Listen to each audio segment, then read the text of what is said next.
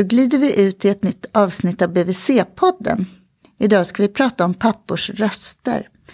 Om att ha samtal med spädbarnspapper när mamma är sjuk. Jag heter Malin Bergström och är barnhälsovårdspsykolog. Och idag träffar jag Charlotte Luptevich Larsson som är barnsamordnare i psykiatri i södra Stockholm och eh, sjuksköterska och handledare även åt BVC faktiskt. Jag vet att du har pratat med pappor och du kallar dem för pappor som anhöriga därför att anledningen till att du träffar de här männen det är att deras partners har blivit sjuka efter att de har fått barn. Mm. Och det har du gjort länge vet jag. Ja, det har jag gjort sedan, jag har haft pappasamtal sedan 2000 i alla fall. Och det var i samband med att jag började jobba inom psykiatrin och kommit från kvinnokliniken. Och eh, började i samverkansteam kring gravida och nyblivna psykiskt sköra. Så jag hade många patienter som var gravida och eh, nyblivna föräldrar, mest mammor då. Och upptäckte att eh, männen eh, gick lite på knäna om man får säga så. De var väldigt, väldigt trötta och eh, slitna och behövde samtal och stöd. Och då var det inte så svårt eftersom jag hade patientmamman hos mig, så det var ju nära att fånga in papporna. Men sen så utvecklades det till någonting annat och det var ju även så att jag träffade pappor som kom från andra håll och bland annat då från BVC. Därför känns det så oerhört angeläget att få vara med i den här BVC-podden för att BVC var väldigt snabba på att fånga upp det här. Att här har vi en sjuksköterska som jobbar inom psykiatrin som uppmärksammar pappor som är anhöriga. För det de såg på BVC det var ju att det kom en pappa med ett spädbarn. Och man undrade lite, var är mamma någonstans? Och då fick man lite information, kanske inte speciellt mycket, om att mamma var sjuk, hon kunde vara inlagd på en psykiatrisk avdelning eller var hemma men var i ett skick så att man inte orkade ta sig till BVC. Och eh, kände väl då att de kanske inte riktigt hade verktyg att fånga upp det. Och, eller kanske att männen inte ens eh, gav signal om att de ville prata om det, snarare så kanske. Och sen fick de veta att ja, men eh, den här kvinnan går i psykiatrin och gick på min mottagning då. Så även om det inte var min patient så, så blev jag kontaktad utifrån att vi samverkade. Eh, och, eh, då blev det så med kvinnans tillåtelse såklart. För vi får ju alltid gå via våra patienter. Och, eh, och höra, kan det vara så att jag kan träffa din make eller sambo eh, för att få prata om det här och se hur vi kan stödja. Eh, för att eh, det är ett familjesystem och alla behöver liksom få stöd för att det ska fungera. Och är det så att vi har en, en mamma som är sjuk och pappan också sjunker så har barnet ingen om vi inte stöttar. Så det var så oerhört angeläget. Så det var precis så det började. Mina egna patienters anhöriga först och sen så kom det via BVC. Och sen spred det sig så att andra behandlare hörde av sig inom verksamheten och frågade om jag kunde träffa pappan och eh, ge honom stöd. Och jag gör det fortfarande. Jag har inte ett kliniskt uppdrag på det viset att jag har egna patienter sedan 2010. Men någonting jag har kvar det är pappasamtalen. Så de kommer fortfarande faktiskt. Så jag har flera stycken på gång nu också. Vad är det som är speciellt just för att det är pappor? Ja, det har jag också funderat på. För att det här skulle ju kunna vara en kvinna som är icke-födande förälder. Och eh, jag tycker att det är viktigt att vi lyfter det här i podden också. Att det Självklart så finns det två kvinnor som lever tillsammans. Men grejen är så att det är bara män som har kommit till mig. Kan det vara så att eh, man hittar andra vägar till samtal och stöd som kvinna? Att man är mer... Eh, att man har ett annat nätverk. Eller att en del män tycker att de behöver liksom hålla undan hela nätverket för att det är så många välvilliga kvinnor som vill in och ta över eh, och lite nästan skjutsa undan dem och tänka nej men jag kan passa, jag kan ta hand om. Går du ut och träffar dina vänner eller eh, fortsätt med din eh, innebandy, eh, jag tar hand om. Och då känner de att de behöver liksom värna om det här späda barnet. Att lite kämpa mot de här kvinnliga starka krafterna som gör att de inte släpper ifrån och inte heller informerar så mycket och söker stöd. Och jag tycker också att det handlar mycket om att de känner att kvinnor ska själv få bestämma vem de vill berätta för att de har en psykisk ohälsa eller en psykisk sjukdom. Och eh, det gör att de också blir tysta och de hamnar i situationer som de själva beskriver när de berättar för vänner att de nästan får försvara kvinnan. Men nu får hon skärpa sig eller hur kan du hålla på med det här och eh, hur kan hon liksom bete sig på det här viset. Och, eh, Eh, man orkar inte berätta hela historien och då blir det att man vill inte försvara, man vill inte att de ska tycka illa om sin kvinna och man vill inte berätta hela historien. Så då blir man tyst. Och jag vet inte om det är en, eh, är skillnad mellan man och kvinnor. Jag skulle vilja ha en etikett på att det är anhörigsamtal till eh, en mamma som är sjuk. Men eftersom jag inte vet om det är exakt lika mellan kvinnor och män så kan jag inte ha det. Nej. Vad, det som är utmärkande för situationen för de här papporna som du träffar det är att dels har de, är de nyblivna föräldrar mm. och kanske behöver ha en föräldraroll som de inte hade räknat med. De kanske hade tänkt att, att mamman skulle vara föräldraledig först mm. och att det skulle bli ett vad ska man säga, mindre så här, genomgripande i vardagen för dem att bli mm. föräldrar. Att de mm. hade tänkt sig fortsätta jobba och så vidare. Och sen så handlar det om att deras relation, mm. eh, att deras partner har blivit svårt sjuk. Mm. Och att det betyder mycket i relationen. Och sen så finns det en massa könade normer kring det här. Där man tänker sig att så här små barn ska tas hand om tas hand om av kvinnor i första hand. Mm. Ja, men alltså det, det är så sant det du säger och allt det där känner jag ju igen också i, i pappors beskrivningar. Och det är inte minst det här som du säger att, att det förväntas att de ska komma tillbaka till jobbet. Och att om, eh, om kvinnan är sjuk och blir sjukskriven så är pappan föräldraledig. Eh, och eh, då ska man beskriva för jobbet varför ska jag vara borta mer än tio dagar? Och eh, hur mycket ska jag behöva berätta? Och det blir förlängt och förlängt. Men jag tänker det som är mest smärtsamt är sorgen. Sorgen över att ens kvinna, den man älskar, den man ska vara lycklig tillsammans med blir sjuk. Och att, eh, att eh, det blir inte som man tänkt sig. Och eh, när eh, när männen eller de här papporna kommer till mig så är det aldrig nästan på eget initiativ. Utan eh, det som är, det är att antingen har behandlaren, kvinnans behandlare då eh, pratat med kvinnan om att eh, om mannen där hemma och, och vad det är för stöd och, och, så som han skulle kunna behöva. Men inte sällan så är det kvinnan själv faktiskt som säger min man får ta så mycket ansvar.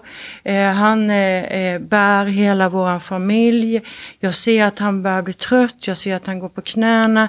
Det är han som får ta nätterna för att det är viktigt att jag sover för att inte bli försämrad eller för att återhämta mig överhuvudtaget. Eh, och eh, Samtidigt så ska han lämna de äldre barnen på förskolan på dagen så han får liksom som ingen sömn.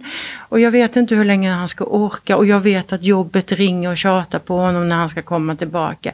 Så de är också väldigt oroliga och det får vi inte glömma bort att kvinnan är så oerhört mån om att mannen ska få stöd men det finns en, en lite mm, svårighet för honom att ta emot det. För att hur ska jag kunna säga att jag behöver stöd när det är min kvinna som är sjuk?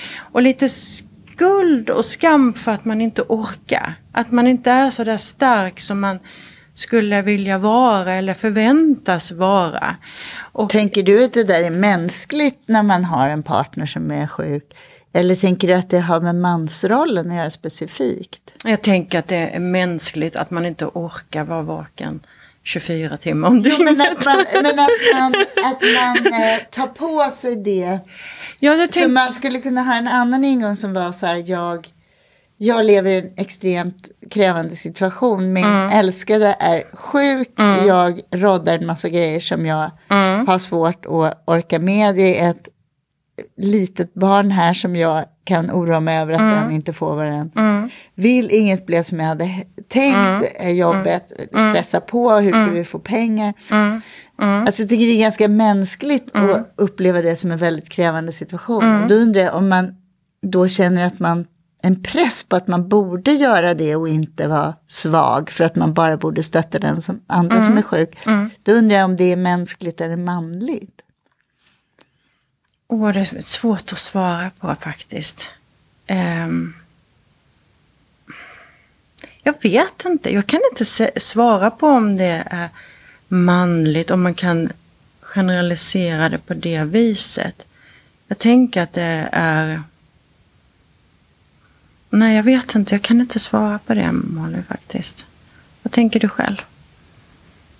Jag tänker att, tycker att mansrollen fortfarande är ganska krävande. Alltså mm. vi vet att män söker vård i mm. lägre utsträckning mm. än kvinnor. Män mm. hanterar känslomässiga utmaningar och mm. eh, psykiska svängningar. Kanske genom att dra sig undan och i mm. mindre utsträckning Mm. Söker stöd och bekräftelse både i nätverket, vänkretsen och mm. hos professionen. men det ligger säkert mycket i det. Om jag tänker på om man verkligen ska gå in i de här samtalen som jag har med männen då. Så ligger det ju i och för sig mycket i det du säger. Men eftersom jag inte har träffat anhörig kvinnor i samma mm. situation så ja, då hade det varit lättare att mm. jämföra. Är det olika saker man tar upp?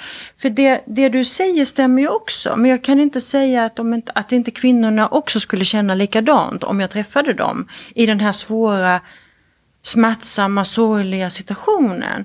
För det papporna säger är att det är första gången som jag gråter, det är här idag. När de kommer till mig första gången så är de oftast i väldigt, väldigt dåligt skick för att det har gått så lång tid. Och de har inte gråtit offentligt med någon nästan. Inte alla, men många säger det. Jag har gråtit i duschen. För jag vill liksom inte ge min kvinna skuld för att jag mår dåligt. Jag ska ju vara stark. Och nu har jag suttit här och gråtit en timme nästan. Så att det, vad hände med mig och när jag frågar nästkommande gång och hur kändes det efteråt? Jag var så trött så jag orkade nästan inte ta mig hem. Jag fick sätta mig på en parkbänk bara på gatan nedanför för att vila. Mina ben bar mig inte. Så man öppnar på en dörr som har ja, varit hårt stängd hårt för att stängd. orka? Och jag brukar, man kan kalla det för dörr. Jag brukar säga att det är som att öppna upp en, en rustning. För att det de också upplever är att de får mycket som de behöver ta emot utav frustration, förtvivlan, ångest, från kvinnan också och sorg som man får härbärgera. Och till slut så finns det liksom inte utrymme i hjärta och själ mer så då sätter man på sig någon slags rustning och i den, det är den rustningen som bär dem till mig annars så skulle de inte orkat gå tror jag inte. För när man börjar prata om de här sakerna så knäpper de upp den här rustningen lite undan för undan och innanför där så finns det liksom nästan ingenting kvar. Att man bara rasar. Och sen det vi gör under de här samtalen det är att bygga upp undan för undan. Så att man hittar liksom något hopp. Hittar en känsla av att det inte är farligt att dela. Eh, att prata om saker som är smärtsamt är okej. Okay.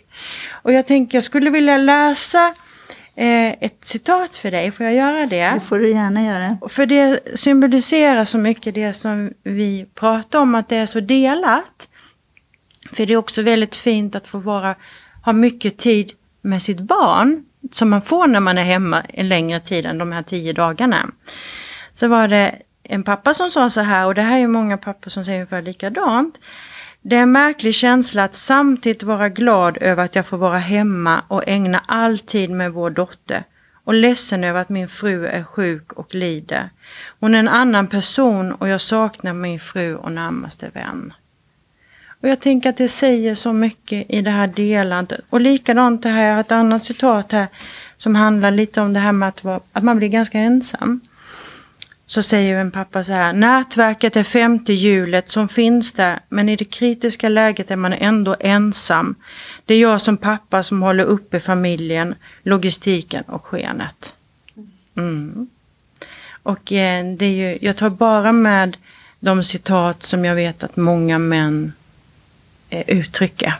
Det är inte en pappa, utan sen, ja, jag kan väl säga sen 2000, nu är det 18 år, så är det många pappor som har passerat mig och det är väldigt, väldigt lika. Det som kan skilja sig, eh, om vi tänker när första gången de kommer till mig, förutom att de gråter, det är att man pratar det kan vara så här att första meningen kan nästan vara så här, eh, jag kan ta barnet och gå om jag vill. Att jag faktiskt kan. Att man ser liksom separationen som en utväg när det är så otroligt smärtsamt och svårt. Och då kommer ju nästa, men jag valde att ta den här dörren istället. Och det är dörren in till samtal. Och det tycker jag är så vackert att man kan reflektera av att man haft en utväg och det har varit att man tar sina barn och går. Men man, kom, man gör inte det utan man vänder om och ser vad finns det för annan möjlig väg. Jag kanske kan få stöd så att jag orkar finnas där. Och eh, jag tänker att det är viktigt att man bara får säga att den här svåra känslan är jag i, för den är också förbjuden. För jag har en pappa som sa så här, eh, jag bär på så otroligt mycket skuld och skam. Får man en, får man eller kan man ens separera från en sjuk fru som är dessutom är mamma till ens barn? Att det var svårt för honom att ens vara i tanken. Eh, de här männen har inte gått från sina fruar eller kvinnor utan de älskar dem. Men de har varit i så svåra situationer där, där de inte har sett någon utväg för att de inte mäktar med eller ens kan tänka sig att våga visa sig svag och då skulle man hellre gå. Förstår du hur jag tänker Malin? Mm. Men jag, också, jag tänker på ja. en annan sak, som, om jag kommer tillbaka till mm. det där mm. första mm. citatet, mm. så är det det börjar i en glädje mm. över barnet. Att det är en innest i den här svåra situationen att få vara med sin lilla bebis och att få vara den som känner bebisen bäst, kommer den närmast till en början. Och det låter också som någonting som jag tänker att man lätt kan få skuldkänslor över. För att man faktiskt också, att det finns ett ljus i det här mörkret. Ja, ja det är ingen som har direkt uttryckt det så, men de har uttryckt att det är en svårighet sen när man ska lämna över. I takt med att ens kvinna mår bättre och eh, vill få tillbaka liksom känslan, mammarollen och eller får mammaroll, man kanske aldrig hann få det för man blir akut sjuk direkt efter förlossning. Eh, så behöver ju pappan kliva lite tillbaka. Och det är smärtsamt. Men också vackert för att de vill ju ge det här mm. till sin kvinna.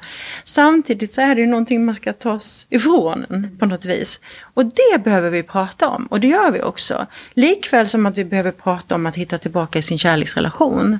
Efter att man har varit i två olika roller på olika nivåer i, eh, i en svår situation. Så att vi pratar väldigt mycket om relationer också. Relation mellan varandra och relation till sitt späda barn och så.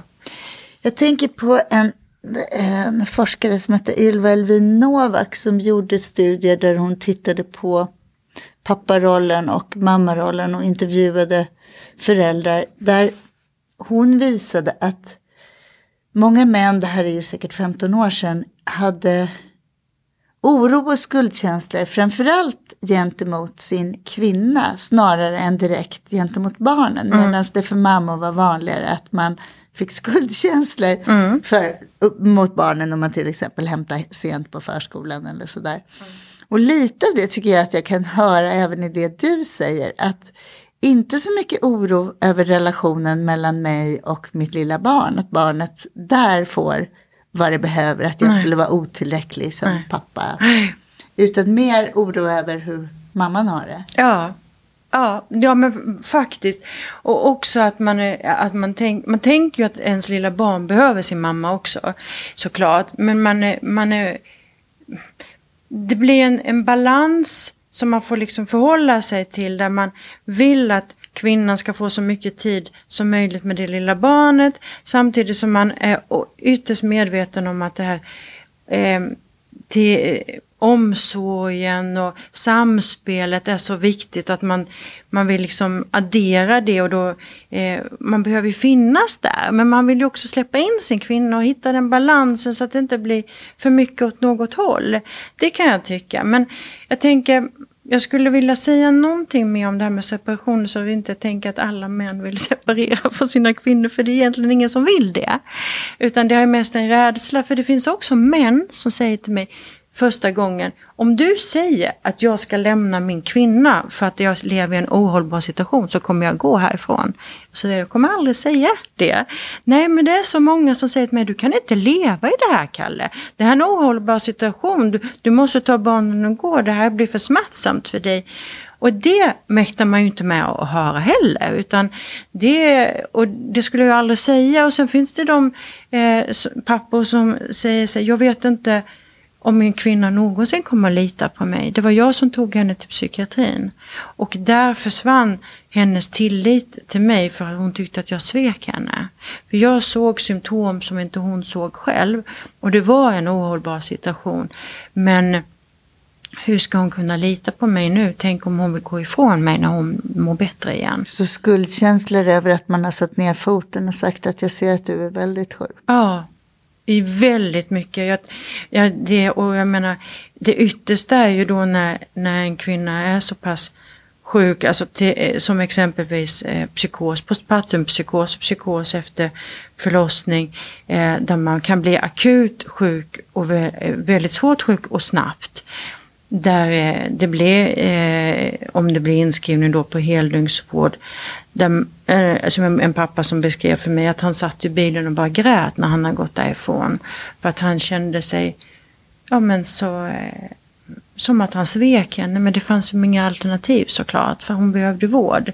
Och, eh, och det är också ett sjukdomstillstånd där man själv inte kan avgöra, man, kan, man förstår inte hur sjuk man är. Nej, det är liksom ett precis. kärnsymptom. Ja, det är att man saknar insikten om det. Och, och, eh, och det tänker jag att det pratar vi också om för det blir en, ett trauma kan man säga för pappan. Eh, och eh, så eh, om vi tänker att om det skulle gå ytterligare en tid så skulle den här pappan kanske själv behöva vård tänker jag.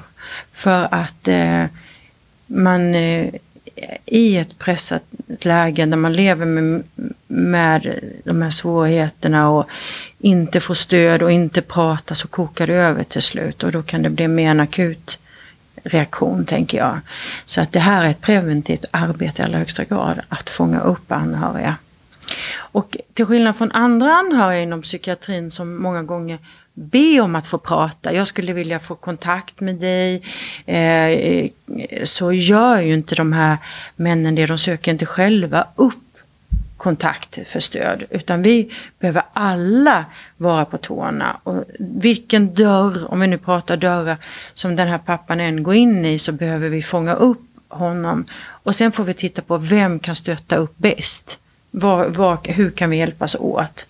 Det är, tycker jag, viktigt. Jag tänker att det finns ett tydligt barnperspektiv i det här också. Att mm. det här lilla, lilla barnet ska ja. få Ja, och jag det, någon. Vad det behöver. Ja, jag tänker mitt uppdrag som barnsamordnare inom psykiatrin, det är ju att se till föräldrar och barnperspektivet och barn som är anhöriga. Och det är ju i den här gruppen också. Så att det, det lilla, lilla späda barnet är ett är ju ett anhörigt barn också. Så att det, mm, absolut. Du sa Lotta att hitta balansen är en viktig, mm. ett viktigt tema att få mm. diskutera för pappor i den här situationen. Mm. Mm. Och då har jag eh, dels det här då med de här alla välvilliga kvinnorna, hur man, att man behöver hjälp och stöd men man vill inte att någon ska ta över. Men sen är det också mellan sina egna föräldrar. Alltså en pappa som sa jag behöver hjälp med att stå ut i positionen mellan mina föräldrar och min fru. Att hitta balansen. För föräldrarna också, de ser ju till den här mannen såklart som är deras son och vad han eh, ska klara av och vad han behöver få stå ut med. Och de vill ha information men samtidigt så vill man inte, som jag sa tidigare, blotta sin kvinna för mycket. Och man värnar ju om henne såklart. Och, eh, det tycker jag vi behöver se till. Och en pappa som sa jag behöver hjälp med att sätta gränser nu när jag inte kan eller mäktar med. Jag har tappat vad som är rimligt. Mm. Alltså, det är det man är gör rimlig? när man lever i ja, krissituationer. Ja, vad är rimlig? En rimlig gräns. Och eh, det tycker jag eh, är ju det är ett tema. Det här med separation och rädsla för separation är ett tema. Att hitta balansen är ett annat. Och sen så har vi ju ett, ett tredje och det är ju liksom samtalets betydelse för att orka. Innan vi går in på det så skulle jag bara vilja fråga, för jag tycker att det lyser igenom, det du har erfarenhet av är samtal med pappor vars kvinnor får en psykiatrisk eller en psykisk mm. sjukdom. Mm. Och det är något moln av eh, stigma mm. Och tabu kring att prata om psykisk sjukdom också i det här. Mm. Tror du att det hade varit annorlunda om min fru hade fått en hjärnblödning eller brutit benet? När barnet var nyfött? Ja, det tror jag. Jag tror faktiskt det. Eh, samtidigt så tänker jag att, att man behöver stöd. Det är ingen skillnad i det. Att man behöver stöd oavsett vad, vad det är för lidande ens eh, käraste har. Eller vad man ska säga, man eller kvinna. Ehm, det stödet behöver man ju oavsett och barn är fortfarande anhöriga. De man behöver se till alla vuxna för att de barnen behöver vuxna runt omkring sig som de kan samspela med. Ehm, så att det, det, är ingen skillnad. Men skillnaden är nog mer i det här att själv söka upp stödet. Jag kan tänka mig att det skulle vara lättare inom den somatiska vården för en pappa att eh, säga berätta för mig, vad är det här? Vad är en hjärnblödning? Vad är det för rehabilitering och hur länge kommer det pågå? Vad kommer man ha för behandling och, och så vidare och så vidare. Det tror, tror jag. Jag är inte säker men jag tror det. Eh, ja. Det finns någonting i det här. Jag upplever inte att männen själva tänker att det är skamligt. Utan mer för att skydda, för att de tänker att kvinnan inte vill att alla ska veta. Mm. Jag tror att det är där skillnaden är mellan den somatiska vården och den psykiatriska. Att man vill att de ska själva få berätta. Jag tror att en man till en kvinna som har fått en hjärnblödning inte tänker att, det, att kvinnan inte, att, att hon skulle bry sig om om någon vet det eller inte. Jag, det här är ju bara spekulationer, men jag, så om vi ska nu försöka analysera det lite. Ibland kan jag tänka att man tänker att stigmat kring skilsmässor, stigmat mm. kring psykisk sjukdom eller ohälsa, att det Ja, men det höll vi på att luckra upp i vårt samhälle och sådär. Men mm. sen när det kommer till en själv, mm. då, då mm. är man där ändå. Mm. Att man tänker att jag mm. kan vara tolerant med andra, men när det kommer till mig själv, då blir det då finns det ändå kvar på något plågsamt Ja, och det som är i det tänker jag, om vi tänker depression eh, efter förlossning. Så ligger du i det här att man ska vara glad, man ska vara lycklig. Man ska älska sitt barn, man ska inte vara trött, man ska inte vara ledsen. Eh, så det finns någonting i, i, i den delen också som är så tung att bära. Och som också gör att kvinnorna söker vård i så sent skede. Därför att man vill inte ens tänka för sig själv att jag känner inte de där känslorna som jag borde känna. Och sen nästa steg att våga berätta det för sin partner. Och sen i, i nästa skede då söka faktiskt stöd för det här. Då har det gått väldigt lång tid och det brukar jag säga när jag föreläser och så inom psykiatrin eller vad jag än är. Att är det en, en gravid eller nybliven kvinna som ringer och säger jag mår lite dåligt. Så mår hon inte lite dåligt och hon mår väldigt dåligt. För man ringer inte i första hand. För man försöker hantera det och vänta in lyckan. Som kanske inte kommer för att man har gått in i en depression. Så det är ju, det tycker jag är, är någonting vi alla ska ha med oss. Det är en risksituation faktiskt. Och det är det ju också för män eftersom mm. även män mm. har en risk för både depressiva symptom och depressioner mm. efter mm. att man har fått barn. Mm. Men skillnaden är att för kvinnor som har fött barn mm. så är ju överriskerna för att drabbas av psykossjukdom eller allvarlig psykisk sjukdom ökade när man har fått barn. Vilket inte är för män på samma sätt. Nej. Nej, och eh, att mäns depression kommer lite senare, eller förlossningsrelaterad depression kommer lite senare kanske än kvinnans också. Och då börjar man tänka att nu far det över lite grann. Så vi kanske är lite mer vaksamma direkt efter tiden efter förlossning. Och därför tycker jag det är så bra att man fångar upp det här inom barnhälsovården också med pappasamtal och sådär. tänker jag. Det är, det är ju någonting jag tänker att vi skulle kunna prata mycket kring det. Hur man ska kunna fånga upp män på olika sätt och det har man ju gjort nu inom barnhälsovården. Hur länge följer du de här papporna? Får man komma så länge man behöver eller är det ett begränsat antal samtal? Nej, jag är inte begränsat utan lite handlar det om den tid man har såklart. Men eh, utan det är utifrån behovet och det brukar ge sig ganska snart. Vi känner, eller när vi, vissa pappor träffar jag fler gånger än andra men när det är dags att avsluta så känner vi det båda två. Och det är någonting väldigt häftigt i det. Det vet inte jag riktigt om jag har upplevt med på andra sätt. Utan att det är, när jag känner så här nu börjar det här, han börjar liksom ha återhämtat sig och han står på egna ben nu. Då brukar pappan också känna det så vi brukar vara väldigt överens. Och, sen, och, och då brukar ni ha hunnit med den här processen av att att föräldraskapet ska bli mer jämlikt och ja. att mamman ska komma tillbaka i en föräldraroll. Vi har åtminstone pratat om det. Att vi, att, eh, jag brukar ju ta upp det att det är någonting som man behöver vara lite vaksam på. Det kan vara så att man skulle behöva parsamtal längre fram och att det är någonting de kan ha i åtanke. Och, så att vi, jag brukar förbereda dem också lite på hur processen ser ut så att man är, är redan där lite i tanken. Och det är också hopp att veta att många känner igen sig. För de märker ju på mig när de beskriver att det här har hon hört förut. Och det är många pappor som säger det också. Det här är, det är så häftigt. Jag, jag märker att du har hört det här förut. Ja, så är det har jag gjort. Ni är lite lika allihopa.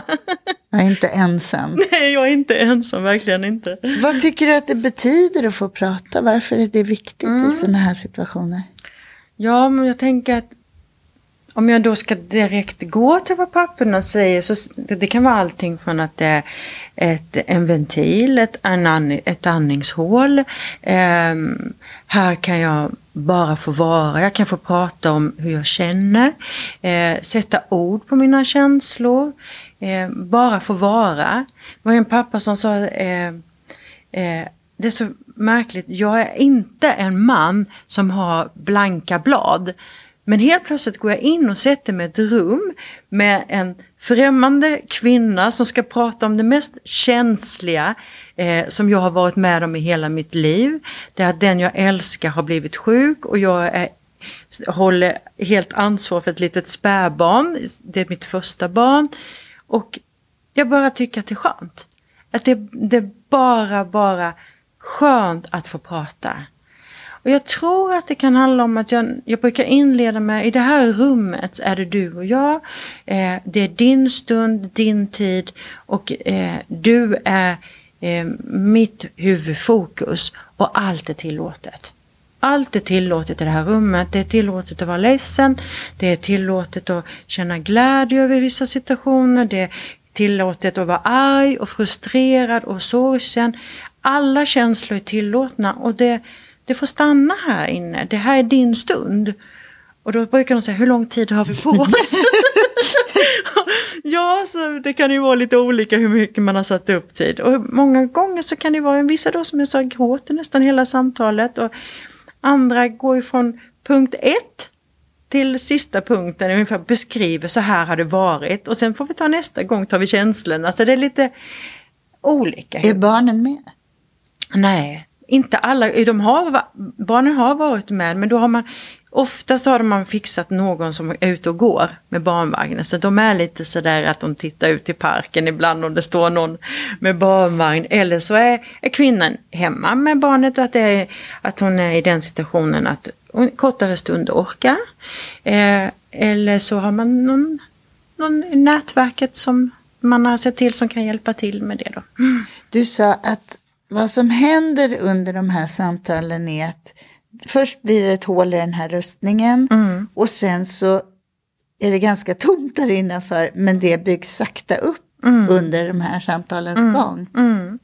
Mm. Tycker du att det är genom att, att liksom titta in där och få hjälp att sätta ord på det och förstå det så är det det som leder till att man byggs upp igen, att man får perspektiv på sin situation och orkar. Ja, jag tror det. Att få prata om det, att få perspektiv, eh, att känna att man duger, att man, gör, att man gör rätt, att man gör bra. För det är det som är rädslan, att man inte är tillräckligt bra. För att om kvinnan till exempel har en djup depression så kanske hon inte mäktar med att ge den här positiva responsen. Vad bra du är, vad fint att du gör det här. Utan man tänker sig att det är någonting som förväntas av en. Att man ska orka vakna varje gång bebisen vaknar på natten som man säger. Samtidigt som man ska vara pigg och alert och sköta hushållet och lämna till förskola och handla och laga mat. Och, eh, är det ens okej okay att jag tar en egen liten stund och eh, gör någonting, att gå en promenad eller alltså hitta det här och sen helt plötsligt är det någon som säger så här vad bra, vad bra att du har fixat det här, att du orkar. Hur, kan du, finns det någon annan i nätverket som kan avlasta lite grann? Och det behöver inte betyda att du ska vara ifrån det lilla barnet. De kan avlasta med hemmet eller tvätten eller handlingen eller laga mat eller någonting annat så att man ser att det är inte just barnet man behöver lämna bort. Man kan få lämna bort det där tråkiga andra. Det är också okej. Okay. eh, men att bara säga att fasiken vad bra du har fixat det här. Och att få vara ledsen och få säga att det här är så himla jobbigt. Det tror jag är så bra för dem. Och det kan vem som helst göra egentligen. behöver man inte vara inom psykiatrin för att göra. Du, eh, vad, vad, kan man göra på BVC? Tycker du att vi, att vi ser det här, att vi ger mm. det här mm. stödet på det sätt vi, mm. vi kan? Eller mm. finns det saker som, där vi skulle kunna vässa oss ytterligare? Mm. Ja, eh, jag, innan jag tänkte, jag skulle jättegärna vilja prata lite, lite mer om Eh, BVC, alltså barnhälsovårdens betydelse, BVCs betydelse för papporna. Men jag skulle bara vilja först för bara ta ett, ett litet citat runt det här som vi pratade om tidigare. För det säger eh, väldigt mycket om hur viktigt det är att få samtala oavsett var samtalet blir av någonstans. Det var en pappa som sa, hade jag inte fått prata nu hade jag blivit patient inom psykiatrin och då hade barnen inte haft någon. Och eh, om man har det med sig så tänker jag att då kan alla göra en viktig insats för att finnas för den här pappan. För det är ju det är en så stor förlust om man faller. Men barnhälsovården, ja, jag tänker att eh, Alltså det, det, det, jag tycker barnhälsovården är så otroligt viktig och jag hade egentligen önskat att BVC-sjuksköterskorna verkligen förstod hur viktiga de var för familjens alla medlemmar. Eh, barnet såklart, eh, mammor, man har ju sett till mammans eh, psykiska hälsa, ohälsa under ganska lång tid nu genom att man har eh, screening när barnet är 6-8 veckor på BVC. Men att man nu fångar in papporna, det är ju i, precis i linje vad våra pappor säger att de önskar. Och jag vill ge alla som lyssnar i den, på den här podden någonting från mig och papporna till alla BVC-sköterskor. Så jag tänkte läsa upp fyra citat, får jag göra det? Och då är det första, som pappa vet man inte vart man ska gå. Har man inte själv haft psykiska problem vet man inte vad det är.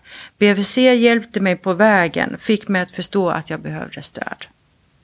Och då är det en BVC-sköterska som har uppmärksammat det här och sagt att du kanske behöver prata med din kvinna hemma och fråga om du får prata med hennes behandlare eller någon annan så att du får stöd i det här och får lite klarhet. Vad är psykos eller vad är depression, svår ångest, vi har ju fobi, tvång. Allt som påverkar föräldraskapet och eh, som man behöver förstå som partner för att kunna stötta också. Och sen har jag ett citat till här. BVC är en viktig inköpsport till samtal. Sjuksköterskan var den vi hade mycket kontakt med i början. Jag kände stort förtroende för henne på grund av kontinuiteten. Och så är det ju också. Att BVC-sköterskan är kanske den man träffar allra oftast om man är under den första tiden och eh, det har betydelse. Så ni hör nu alla BVC-sköterskor hur viktiga ni är. Och sen kommer nästa. Att BVC gjorde hembesök var min räddning. Det var så tufft att gå till BVC och se familjer som är hela, typ Lyckliga Gatan. Mm. Och sen den sista då. Det här är bara några av de bra saker som man sagt, men jag kan inte prata här hela eftermiddagen. Det vore skönt om det fanns ett samtal på BVC bara för mig som pappa. Då kanske jag skulle slippa alla misstänksamma frågor hemma. Och då tänker jag så här, vilken himla himla tur att vi nu inför på barnhälsovården enskilda pappasamtal. För då kan man fånga upp även den här gruppen, tänker jag, som inte skulle söka upp någon att prata med. Där det kommer helt naturligt, där man får prata om hur man mår, hur man har det, vad man har för relation till sitt barn. Alla de sakerna som det finns så tydligt beskrivet i det här runt enskilda pappasamtal eller icke födande förälder. Och eh, det, ingen är gladare än jag som har pratat med pappa under alla de här åren som verkligen har efterfrågat det här. Och nu så finns det och det sprids nationellt i ert program. Jag tycker det är fantastiskt. Jag tycker det är så roligt. Det går hand i hand med hur ja, du har hand, jobbat. Ja, det går hand i hand och det känns så himla rätt, alltså i linje med jämlikt föräldraskap och att alla är viktiga runt barnen. Och man kan inte säga i förväg vem som blir viktigast. Utan alla måste liksom stå där och ge vakt och faktiskt ta emot det här lilla barnet och finnas för det, vem det än är, oavsett kön. Det tycker jag är viktigt.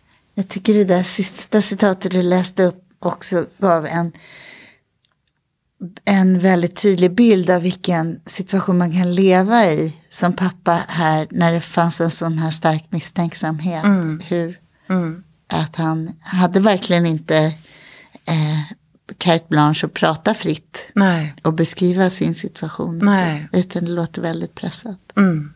mm. Så är det. Och det, när jag har pappasamtal så frågar jag också eh, hur blev det när du kom hem? Kunde du beskriva det vi har pratat om? Ja, för min, min kvinna vill ju verkligen att jag får stöd i det här och vi pratar inga hemligheter så man behöver inte vara misstänksam egentligen. Men det är det att när man inte har kontroll på situationen och inte vet så kan man bli orolig. Men öppen kommunikation är någonting jag verkligen förespråkar. Och sen bestämmer ju mannen själv hur mycket han vill berätta givetvis. För det vi sa från början är att det är hans samtal, det är hans stund. Men jag eh, verkligen eh, pushar för att man ska försöka hitta sätt att samtala. Så att det inte blir någon misstänksamhet eller oro eller ångest utan det ska bara vara någonting som ger stöd och hjälp. För det, det är så gynnsamt för barnet. Det är dags att glida ut från den här podden. Tack snälla Lotta för att du var med. Tack för att jag fick vara med och sprida det här. Mm.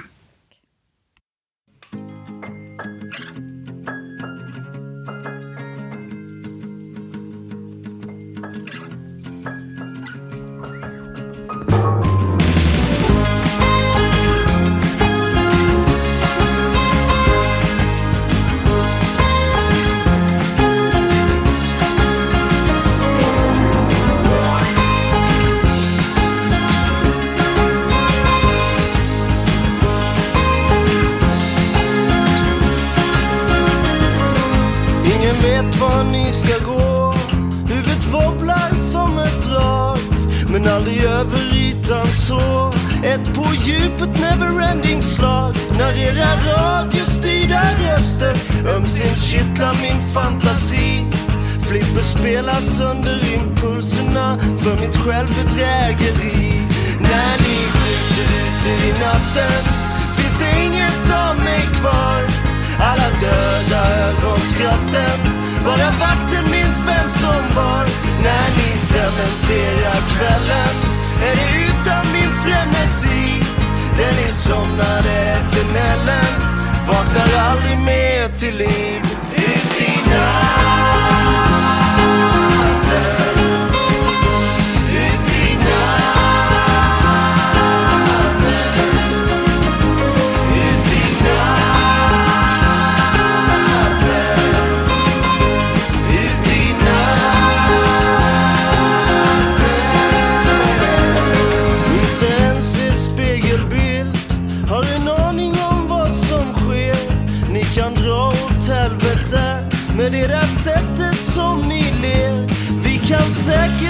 Bästa vänner i eternal sunshine of the spotless mind. Men inte riktigt när du bara älskar mig. Genom rök och vodka lime.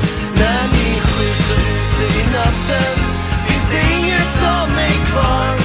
Alla döda ögonskratten. Bara vakten minns vem som var.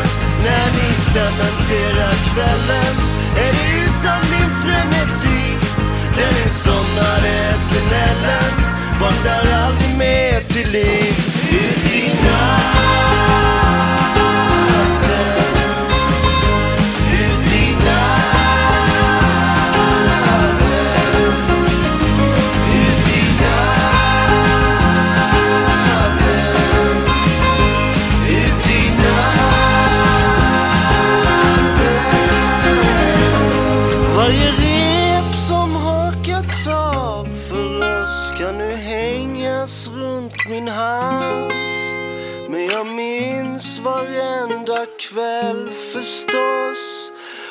Precis ingenting alls. När ni skjuter ut i natten finns det inget av mig kvar. Alla döda ögonskratten Bara vakten minns vem som var. När ni cementerar kvällen är det utan min frenesi. Där ni somnar eternellen vaknar jag